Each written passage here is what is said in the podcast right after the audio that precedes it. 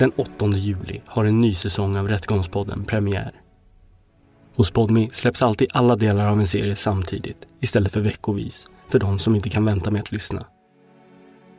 I Podmi-appen finns dessutom över 30 bonusavsnitt ni kan lyssna på under sommaren om ni redan nu tecknar en prenumeration. Gå in på podmi.com rättegångspodden. Tack för ert stöd.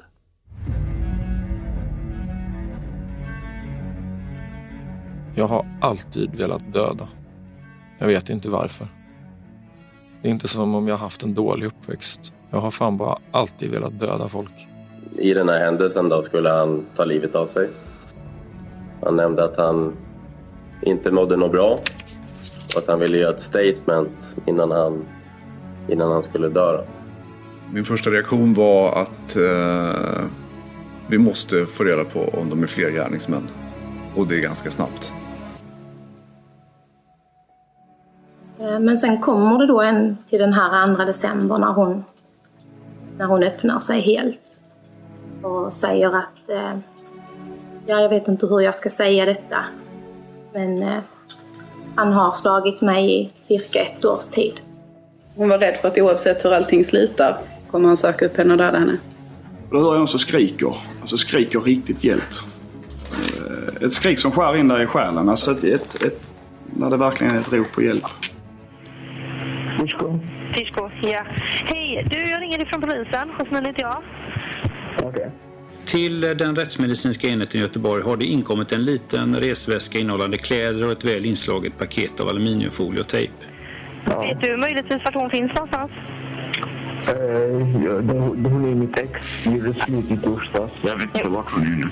Du har inte hört något ifrån henne sedan i torsdags? Nej. Vi tittar i din dator. Du har väldigt mycket bilder. Mm. Vissa av bilderna är um, autentiska bilder från Columbine-attacken. Mm. Ja. Eh, stillbilder du har klippt in ditt ansikte. Ja, och eh, andras. Ja.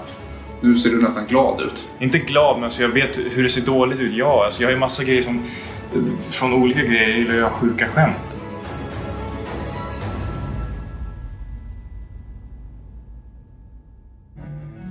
Jag tänkte på han Nils. Alltså efter han uttalar sig så han kommer ju aldrig någonsin få någons förtroende i den här världen.